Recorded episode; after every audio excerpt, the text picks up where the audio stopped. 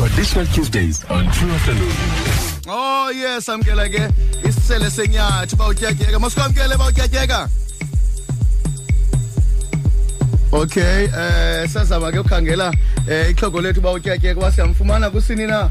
Eh emnxebeni uba utyatyeka eh kulabo sinqola kunye naye sinqola ngento ba ke ichipha eli nxa libuyileyo eh ngexesha umalume wakho edla ngobuya echiphile eGauteng emine lunga.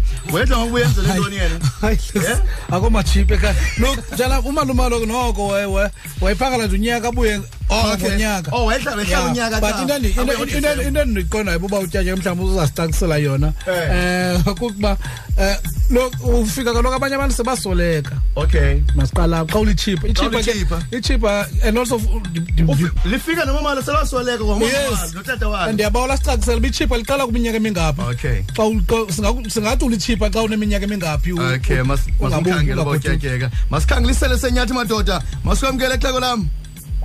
Manibulele manibulele lo Eh ke bawutyatyeka. Sithetha ngamachipa namhlanje.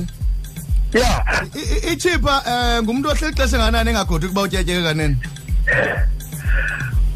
thina ngokwemeko yethu yempangelo Mm. ukuba ngaba ubungekho ekhaya ngoku silindele into yoba ukuphela konyaka uzawubuya Okay? Kodwa uba ngaba ukwazanga ukubuya uza kwenza indlela yokuba okokuqala bazi into yoba kutheni ungakwazi ukubuya ngexesha ofanele ukubuya ngalo.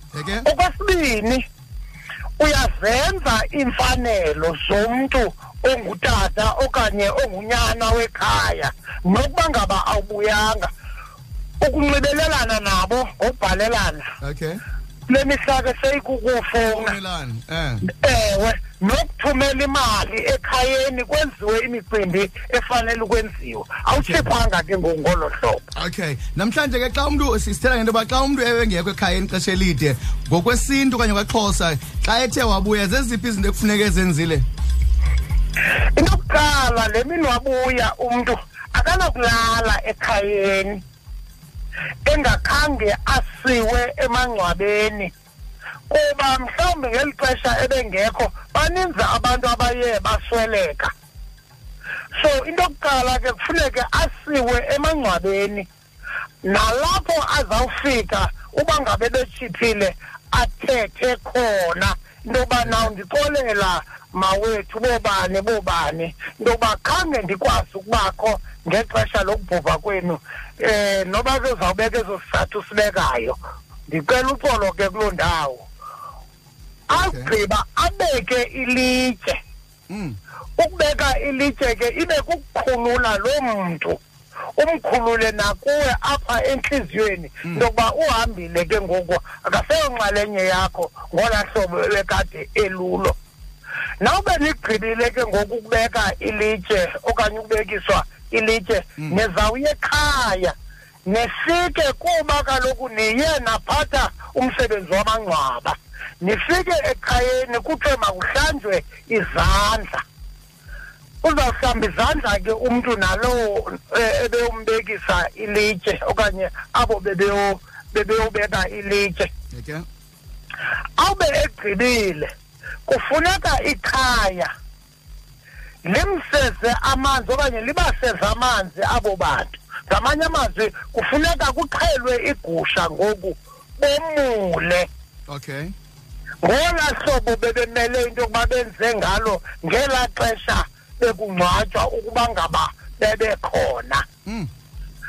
eyokugqibela ke ngoku into ibe kukuba ngelaa xesha ubungekho kusenowuthi kanti kubekho izinto ezithile ezikuhluphayo ubuyaqaphela amathipha adla ngobuyiswa ngelinye ixesha kukuzingwa liphupha elithile okanye kukufumana iingozi ezithile okanye njalo njalo njalo njalo. Amabhadi. ngelaa xesha e- ube ndingekho naku okwenzekileyo kukwiphupha elikumila kunje ebelisoloko lindisinga aba bantu bekhaya ke ngoku bazawufuna ukuyilandela le nkazo yakho yale nto ibisenzeka kuwe into yokuba inokuba ithetha ukuthini na ukuze bawube beyifumene ke ngoku kuqale kusetyenzwe loo nto ke ngoku True Afternoon, Monday to Friday, 3 to 6 p.m.